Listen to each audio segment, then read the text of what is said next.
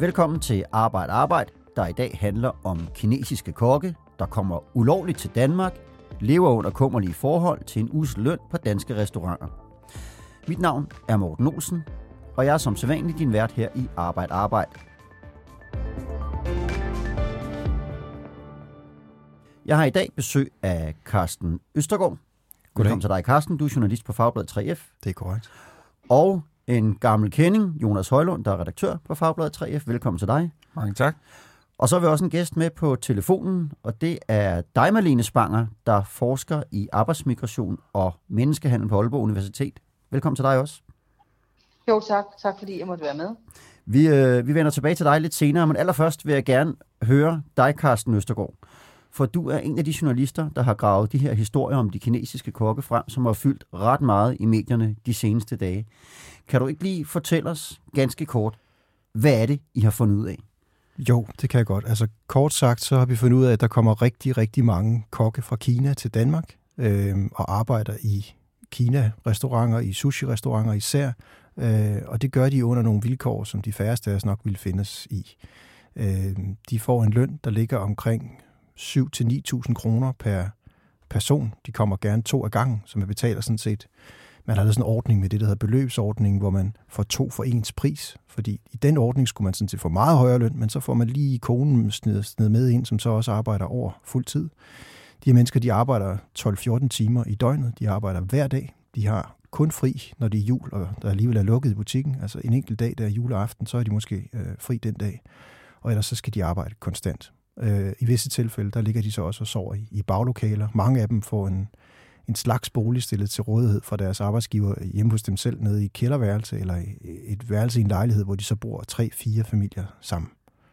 Øhm, det er de vilkår, vi sådan kan fortælle om.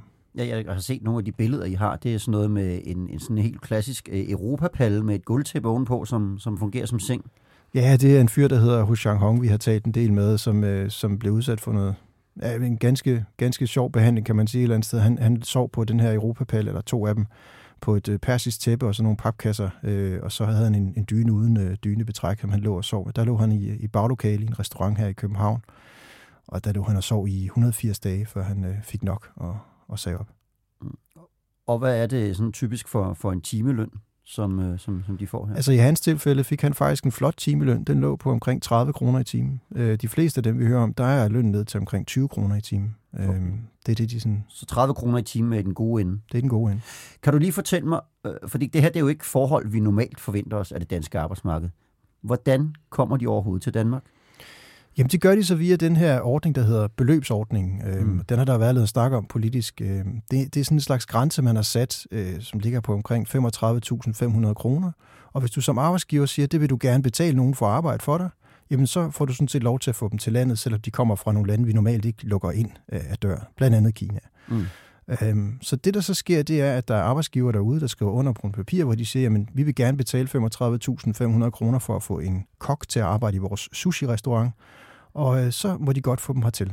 Mm. De tager så deres ægtefælle med, øh, som medfølgende arbejdskraft. Det er også fuldt lovligt. De kan da også tage deres børn med, hvis de vil det. De kan komme til at gå i danske skoler og sådan noget. Det er, det er inden for alle rammer af det her. Så længe de bare får den rigtige løn. Men det gør de jo så ikke. De, de, øh, de, de, de her arbejdsgiver, de gør det, at de registrerer egentlig den rigtige skat. Øh, husk, at de betaler skatte af det rigtige beløb de 35.000, så ser det rigtigt ud inde hos skat. Så sørger de for at sætte pengene over på en lønkonto, øh, som de også kan gøre, som, øh, som skat også kan holde øje med. Det, det står også rigtigt, men der trækker de så lige så stille pengene ud fra igen, uden at de her øh, folk, der bliver ansat, egentlig selv får adgang til dem. Og på den måde kan man så snyde i hele systemet på en rigtig fin og ordentlig måde, så det ligner en færdig pakke, der passer ind i den virkelighed, vi godt kunne tænke os. Så man snyder med den her beløbsordning. Fuldstændig. Kort. Så vil jeg gerne lige hoppe over til dig, Marlene Spanger. Fordi den her beløbsordning, den ved du lidt mere om. Kan du forklare os, hvad er det for en størrelse, og hvorfor, hvorfor, hvorfor valgte man at, at lave den her ordning i sin tid? Jamen altså, formålet med beløbsordningen er at få arbejdsmigranter, der har fået tilbudt en ansættelse til en høj løn i Danmark, som vi også lige har hørt, til at de kan få opholds- og arbejdstilladelse i Danmark. Og det øh, er formodentlig, formodentlig er formålet at skaffe højt kvalificeret arbejdskraft til Danmark. Og kokke, vil det være dem, man sådan typisk tænker på, når man øh, taler højt kvalificeret arbejdskraft?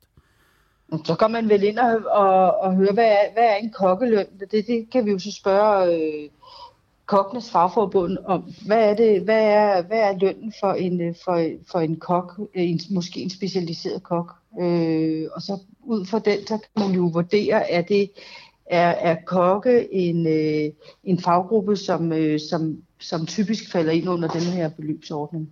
Mm. Jeg ved, du står, Carsten, lige at markere her. Ja, det var for at fortælle, hvad kokkelønnen er. Vi har været inde og tjekke på DR's ja. lønstatistik. Den ligger under 27.000 øh, for, ja. for en kok.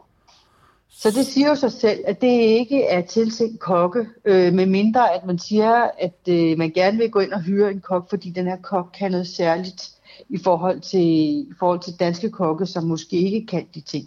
Det ved jeg jo så ikke. Men, men, men umiddelbart så tænker jeg ikke, at den her beløbsordning er tiltænkt øh, kokke. Mm. Hvad hedder det, når du hører om de forhold, som, som de bliver budt her? Øh, nu, nu har du forsket lidt i øh, arbejdsmigration og menneskehandel. Hvordan, hvordan vil du øh, kategorisere det her? Øh, øh, 3F, øh, Fagbladet 3F har rullet op i løbet af de seneste dage. Det jeg tænker, og det som vi hører i forhold til, hvordan de kan snyde gennem, øh, gennem registrering i forhold til, at de får den løn, der går en løn ind på, på deres konto, der er tegnet en arbejdskontrakt, øh, som stemmer overens med de krav, som bliver stillet øh, via den her beløbsordning. Øhm, vi ser noget lignende, for eksempel inden har vi set det inde på, på rengøring, at øh, inden både inde på rengøring og også inde på service, altså at for eksempel at øh, man betaler en person, der er en person, som får, øh, får en løn, som er registreret hos skat, øh, og der er også tegnet en arbejdskontrakt. Men i virkeligheden, i praksis, så er, bliver den her løn delt af flere mennesker. Og det vil sige, de øvrige, som også får en del af den her løn, de er ikke registreret. Og det vil sige, de bliver betalt sort. Mm. Så det... øh, og jeg, nej, jamen, hvis jeg lige må øh, ja. jeg tilføje, at det her, det kan jo lade sig gøre i forhold til, at det, det er en registrering, som finder sted i, øh, altså en, i, kan man sige, i det virtuelle rum, men der foregår noget andet praksis. Og spørgsmålet er, den måde, som der bliver registreret på, for eksempel øh, alt går via NemID, for eksempel hele vores NemID-system og hele øh, vores skat, hvordan vi registrerer, at det foregår online. Hvordan, hvordan, hvordan kontrollerer man Altså, hvordan er det myndighederne går ind og kontrollerer noget, som foregår i det virtuelle rum, i forhold til, hvad foregår der i praksis på, på arbejdspladsen? Mm. Og det er måske... Det tænk, ja. Ja, men det tænker jeg, det er en af de udfordringer, som man som myndighed skal være ret bevidst om. Ja, og det, og Eller det er i hvert fald det er en af problemstillingerne ligger. Ja, og det er faktisk noget, vi kommer videre til nu. Øh, hvad hedder det? Først, altså allerførst, så vil jeg gerne lige høre, øh, hvor stort er omfanget af den her den her sving. Kan man sige noget om det? Ja, man kan i hvert fald sige, hvor mange beløbskokke bliver de kaldt, øh, der kommer hertil. Altså de her kinesiske kokke på beløbsordning. Øh, I 2010, der var der 22 af dem mm. i Danmark. I 2018, som er de nyeste færdige tal for et år, der var der 582. Og ifølge den myndighed, der selv kontrollerer dem, så tager tre ud af fire deres ægtefælle med øh, i det samme system. Og så er vi altså over 1000 mennesker, der arbejder rundt omkring i hele landet på små og store øh, sushi- og kinerestauranter. Øh, og, vi snakker virkelig hele landet. Vi er helt ude i de ydre punkter af, af hjørnet. Ikke? Vi er ude der, hvor folk vil kalde udkants Danmark, eller vandkants Danmark, eller hvad man kalder det. Og så er vi selvfølgelig også i Storkøbenhavn, mm. øhm, hvor de her folk, de, de arbejder. Også på fancy sushi-restauranter i Fancy steder, og steder, du ja. tænker, her er der noget galt. Der er også noget galt. Det er, det er ja. sådan set uh, godt spredt ud. Ja. Og nu siger du, det vil sige, du siger omkring 1000 kinesere på den her ordning. Hvor, hvor udbredt er ordningen i det hele taget? Hvor stor en del af, af den her beløbsordning udgør de her kinesere så? Jamen, det er jo det, der er interessant, fordi hvis vi nu er enige om, at det her det er lavet for, at der skal komme højt specialiseret arbejdskraft til, øh, nogen der tjener måske 45 til 55.000 kroner normalt i løn, jamen så de her kokke, de fylder faktisk rigtig meget. De er, de er 1 ud af 11 øh, ifølge de tal, vi kan, vi kan finde og gennemgå inden for, for jobindsatser. Det er de samme tal, som siger, som er myndigheden, der kontrollerer selv bruger. Så altså hver 11. person, der kommer ind på den her ordning, det er en kok fra Kina. Ja, Jonas, du markerer. Ja, ja men det, det, det er jo sådan set bare for at sætte det i, i relief, så er det jo den næststørste gruppe, øh, og man kan sige, at beløbsordningen er jo lavet for, at man kan få en IT-specialist fra, fra Indien måske til Danmark, og med beløbsordningen, så er der jo så også det gode, at man kan tage ægtefælle og børn med. for ligesom at lokke noget højt kvalificeret arbejdskraft til Danmark. Og den næst største gruppe er så kokke, som hotel- og restaurationsbranchen, som uden at fornærme nogen, er jo bare et lavt lønsområde. Mm. Og et Wild West på, på, inden for, for arbejdsmarkedet. Øh, og oven i den her beløbsordning kan man så lige få lov til at tage familien med. Og, og hvad kan man sige, Danmark er jo ikke blevet øh, mere åben over for, for immigranter de, de seneste år, så der er jo, der er jo et kæmpe hul her. Mm. Og øh, så kommer vi lidt til myndighedernes rolle, som Alene Spang også var inde på før, fordi det er Styrelsen for International Rekruttering og Integration, der administrerer den her ordning. Og det er en styrelse under Udlændinge- og Integrationsministeriet. Og er de så opmærksom på de her øh, ting med, øh, om, om der bliver fusket lidt med nem idé og konti osv. osv.? Det, det svar, svære svar er ja og nej. De er opmærksom det på det. Det svært, ja. ja. Og det har de sådan set været i lang tid. Øh, vi, vi har fået agtindsigt i nogle papirer, hvor de selv beskriver det her problem øh, og omfanget af det. Og allerede i 2015, der, der siger I faktisk i gang, som det bliver kaldt i folkemåden, øh, med at kigge på det her sammen med Skats øh, afdeling for mod menneskehandel. Fordi de kan se, at det ligner, at der er systematisk udnyttelse og menneskehandel med kinesiske kokke og deres ægtefæller. Det står der i de papirer, vi har. Og det er altså noget, de begynder på i 2015. De får bevis for deres mistanke, det får de i 16 og 17 på forskellige kontroller, hvor de blandt andet fanger et, øh, et, et ægtepar, som de vurderer er menneskehandlet. Øhm, og de øh, undervejs i det her også er ude at kontrollere på en lang række restauranter. De besøger 18 restauranter i, i løbet af, af sådan en landsdækkende kontrol sammen med, med politiet. Og ud af de 18 restauranter, der sender de altså 17 personer hjem efterfølgende, som har, har snydt med den her ordning. Så, så der er ingen tvivl om, at myndighederne har vidst det her, det er foregået. De har vidst det i op til fire år. Ikke? Men øh, der kommer altså stadigvæk utrolig mange af de her kokke til Danmark på samme ordning. Og nu fortæller du om, hvad I har kunne se i agtindsigter og tal for kontroller osv. Hvad siger øh, styrelsen selv til det her? Jamen, de taler ikke til os. Øh, vi har spurgt dem siden, jeg tror det er september, vi spurgte dem første gang, om de ville stille op til interview, og det har de nægtet at gøre. Så, så vi, har ikke, øh, vi har ikke kunnet spørge dem ind til de her ting direkte. Mm. Vi er så heldige, at vi har et samarbejde med DR-nyhederne øh, det her, og de har så fået lov til at interviewe dem efterfølgende. Dem vil de godt stille op til interview med. Så de har fået nogle svar på nogle af de spørgsmål, vi gerne vil stille. Mm. Men, men til os øh, vil de ikke udtale sig. Og hvad er de svar så? Jamen det er, at de faktisk godt kender det her. De ved godt, det er et problem. De ved godt, det er ret omfangsrigt. De ved, at øh, kokkene kommer hertil på den der to for en ordning, vi også talte om tidligere. De ved, at de ikke får det beløb, de skal have. De ved også, at, øh, at der foregår udnyttelse helt generelt. Mm. Men er det her så ikke, hvis jeg lige må bryde? Jo, du må meget gerne bryde, ja. Her, Nå, men jeg tænker, at det her ikke bare ikke, og det er ikke med specifikt myndet på, på Siri, men, men generelt den her politiske diskussion, der er på den ene side, så er, vil man gerne have billig arbejdskraft, fordi øh, kan man sige, arbejdsmarkedet erhvervs, altså erhvervslivet er presset øh, rent globalt, øh, og, og derfor så er der brug for billig arbejdskraft. Og på den anden side, så har vi en migrationspolitik, øh, i Danmark, som, øh, hvor, hvor, som, som, hvor der er meget strikse, kan man sige, øh, hvor der er meget strikse grænser for, hvem vi lukker ind i Danmark. Altså på den ene side, så vil man gerne, så har vi en, en, en, en sådan meget fjendsk øh, migrationspolitik, og på den anden side, så vil vi også godt have billig arbejdskraft. Hmm. Men, men... Så det er det her dilemma, og, og derfor så er der, det ved jeg ikke, at det, det, ja, det ved jeg ikke, om man kan måske formode, at den her beløbsordning, hvor man siger, at vi, vi har brug for arbejdskraft, der er bare nogle migranter, vi ikke vil have ind.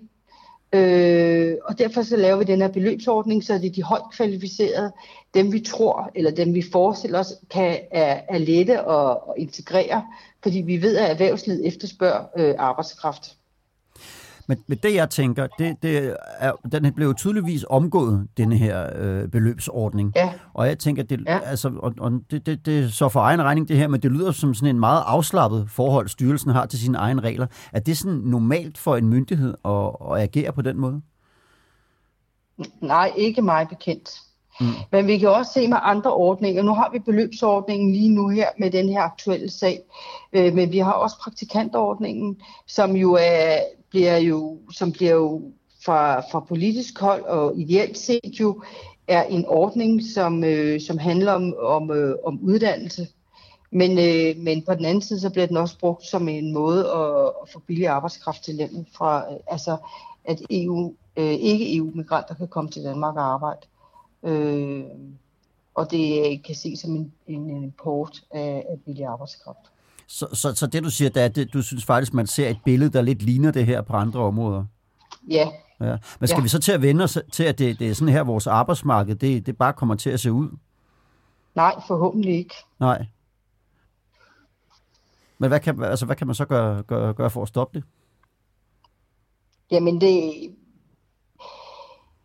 Altså for eksempel, som du selv øh, efterlyser, hvad er det for en kontrol, vi har? Mm. Øh, vi har, vi har, en, vi har et, der er altså beløbsordningen, praktikantordningen er sat i verden, øh, og også, vi har også au pair, for eksempel au pair-programmet, ikke? Øh, som også, at vi skal sørge for, at det ikke bliver, at det ikke, at de her ordninger ikke bliver misbrugt, mm. øh, som de jo gør. Og det, det, det, det tror jeg, at øh, hvis vi ser på, hvad det er for et, hvad er det for et arbejdsmarked, vi har, øh, og hvad er, det for en, hvad er det for en udvikling, som arbejdsmarkedet har, øh, har undergået øh, inden, for de sidste, inden for de sidste årtier.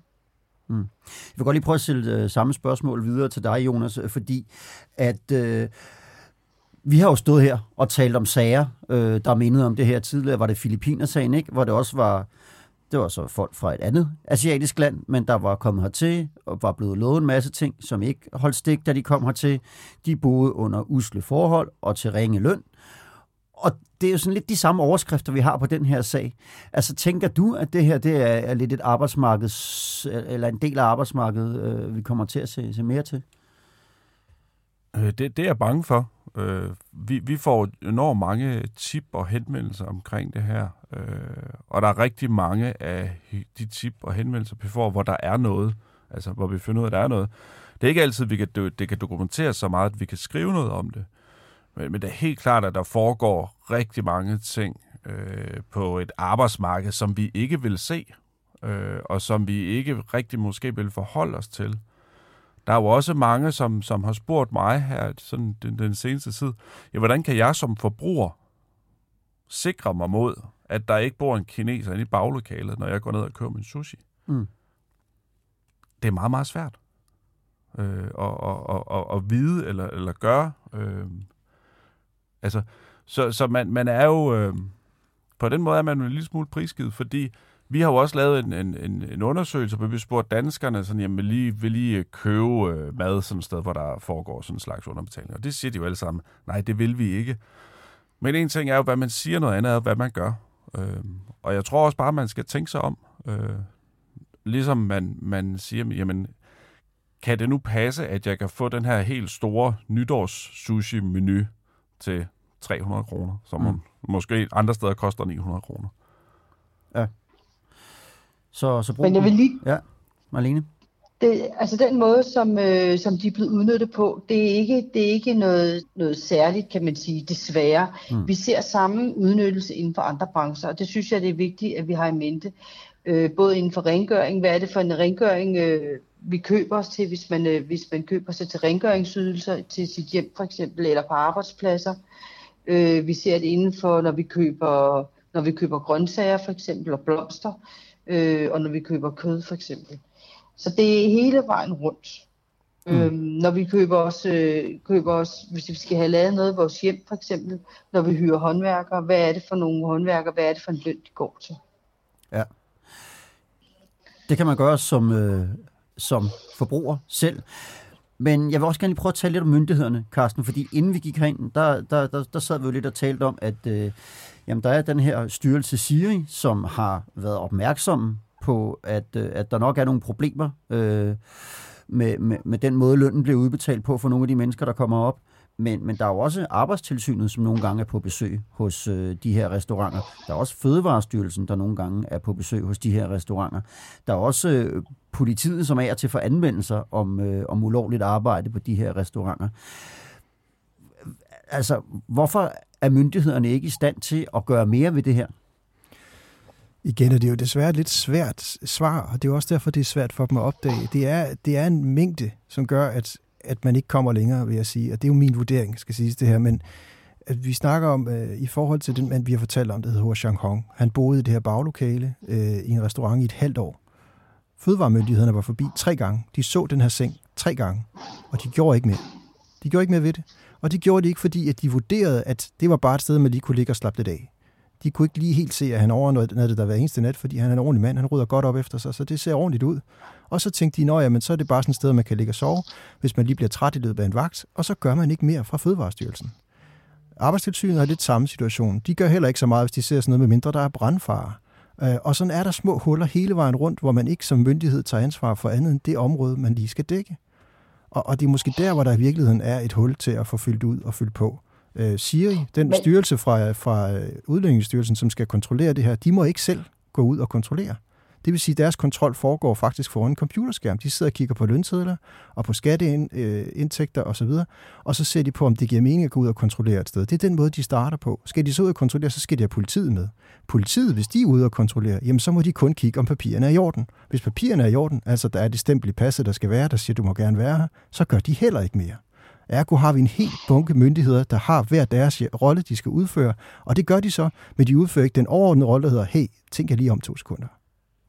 Men det er jo der, hvis man ser på menneskehandelsindsatsen, hvis vi ser på Center mod Menneskehandels øh, kerne, en af deres kerneopgaver, det er at prøve at bevidstgøre de her forskellige myndigheder i forhold til deres myndighedssamarbejder, hvis vi ser på de her task grupper eller når de går ud og laver når de går ud og laver kontrolbesøg sammen.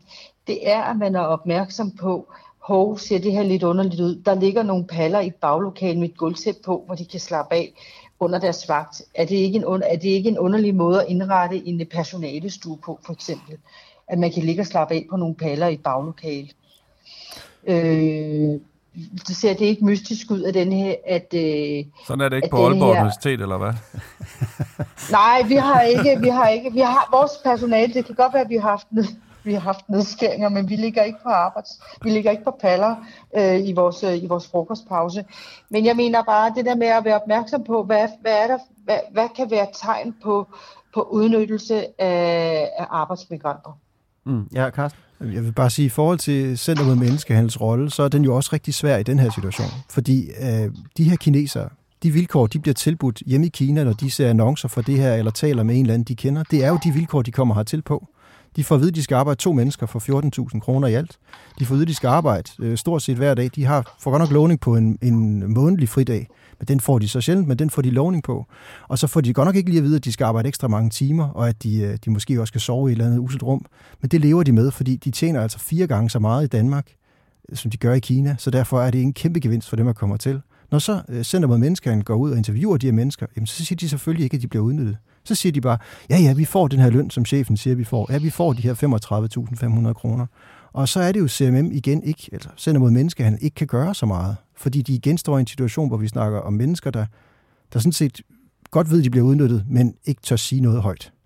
Nå, fordi men, hvad er men, også... Ja, ja Malene? Nej, jeg tænker bare, hvis man så i stedet for, hvis man så siger, at vi ser dem ikke som offer for menneskehandel, men vi ser dem som arbejdstager. Hvad er det for nogle arbejdsrettigheder, øh, arbejdstager har i forhold til pauser, i forhold til løn, i forhold til øh, arbejdsmiljø. Altså, der må være nogle, øh, der må være nogle regler.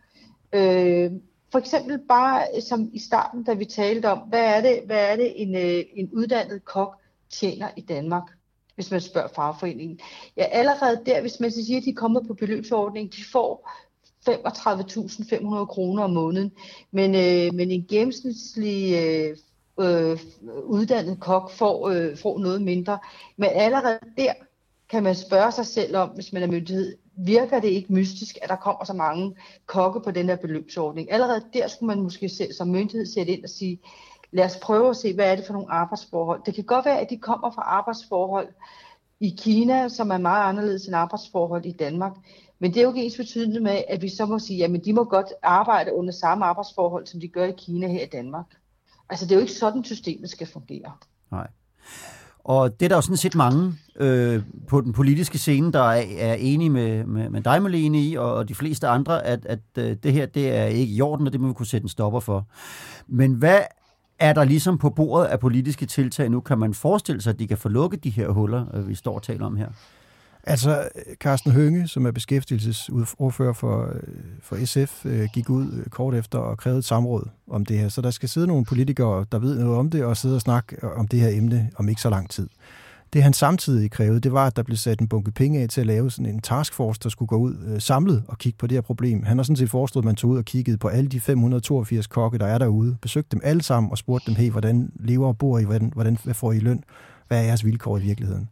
Det bliver nok ikke virkeligheden, men, man kan i hvert fald sige, at der bliver formentlig nedsat en gruppe efterfølgende, kan man håbe, som, som kan kigge på det her på tværs, netop som vi snakker om, der ikke bliver gjort i dag, men altså hvor man får mixet de forskellige men, folks øh, myndigheders viden og evner øh, på kryds og tværs. Så er der ministeren. Men det gør, undskyld, men det, det, det finder jo allerede sted. Vi har jo allerede, i forvejen findes der de her taskforce-grupper, hvor myndighederne går ud sammen og laver kontrolbesøg i forskellige, altså både på nationalt og på, og på regionalt eller lokalt niveau. Det findes jo allerede. Spørgsmålet er, hvad man, hvad man kigger efter, og hvad man spørger migranterne om. Og jeg mener, der er, et, der er en udfordring med, med beløbsordningen og med de andre ordninger for ikke-EU-migranter i Danmark. Det er, at den er bundet op på arbejdsgiver Altså selvfølgelig, hvis, de, hvis, de, øh, hvis Carsten Hønge mener, at man skal nedsætte en gruppe, som går, ned, som går ud og interviewer samtlige kinesiske migranter, som arbejder på den her beløbsordning, jamen så risikerer de jo bare at blive sendt hjem, hvis de fortæller, hvordan deres arbejdsforhold er. Fordi, at, at fordi ansættelsen og opholdstilladelsen er bundet på arbejdsgiver, øh, har tilbudt dem et job. Og så vil han jo selvfølgelig, han eller hun, den her arbejdsgiver jo sandsynligvis fyre øh, arbejdsmigranterne, og så bliver de sendt tilbage. Og det er de jo netop ikke interesseret i. Så jeg synes, at man griber det her helt forkert an. Men, men hvad kunne så være en løsning? Jamen det er, at vi i stedet for, selvfølgelig skal vi også, øh, skal, selvfølgelig skal vi også spørge arbejdsmigranterne om deres arbejdsforhold, men man kan ikke forvente, at de siger, at vores arbejdsforhold de er faktisk rigtig, rigtig ringe. Jo, hvis man sagde, jamen det, hvis I fortæller os, hvordan jeres arbejdsforhold i virkeligheden er, så sørger vi for, at I ikke bliver sendt hjem, hvis I bliver fyret af jeres arbejdsgiver. Så vil de måske fortælle historien, hvordan de i virkeligheden, hvad det er for nogle arbejdsforhold, de i virkeligheden arbejder under. Men hvis, hvis man samtidig siger, at vi vil meget gerne høre, hvad det, er, hvad det er for nogle arbejdsforhold, de arbejder under, men hvis de bliver fyret, ja, så er reglerne jo selvfølgelig, at I bliver sendt hjem. Så vil de så selvfølgelig ikke fortælle, hvordan de arbejder. Det er næsten, synes jeg, øh, logik for høns. Ja, men, så, så dit forslag her er også, at så må man sige, hvis man vil have dem i tale og sørge for, at de får en i arbejdsforhold, så man, må man ligesom øh, som samfund også forpligte sig til at tage sig af dem, hvis, hvis, øh, hvis, hvis de ikke kan hvis beholde de deres arbejde. Ja, ja, mm. ja absolut. Det mener jeg, det, det må være et minimum. Altså, øh, ja. ja. Og det ved jeg ikke, og det, det, mener, det er jo ikke noget, som bliver diskuteret. Det er mig bekendt, at det jo ikke en mulighed, som... Øh, som politikerne diskuterer. Jeg synes, det er en mulighed, som man skal tage med ind i sin overvejelse over, hvordan man vil komme det her problem til livs. Mm. Og det kommer politikerne heldigvis til at diskutere en hel masse i det kommende stykke tid. Der er, som Carsten sagde, indkaldt til et samråd osv. Vi øh, skal runde af for den her gang. Malene, jeg ved, du har noget forelæsning eller noget, du skal til. Ja, jeg har noget vejledning. Noget ja. vejledning, okay. Ja, men øh, vi, vil, vi vil lade dig smutte nu, og så vil jeg sige, at øh, det var, hvad vi havde om kinesiske kokke i denne her omgang, men vi følger med i det videre forløb, om der så kommer nogle retssager, eller om Styrelsen for International Rekruttering og Integration på et tidspunkt bryder tavsheden over for jer, eller om der kommer politiske tiltag. Det får vi at se i første omgang. Så siger jeg tak til dig, Jonas, fordi du var med her i dag. Selv tak. Og til dig, Carsten Østergaard. Ja, selv tak. Og også til dig, Malene Spanger, der var jo, forsker tak. i uh, migration på, ja, på Aalborg Universitet. Og tak til dig, der lyttede med derude. Vi høres ved om en uge.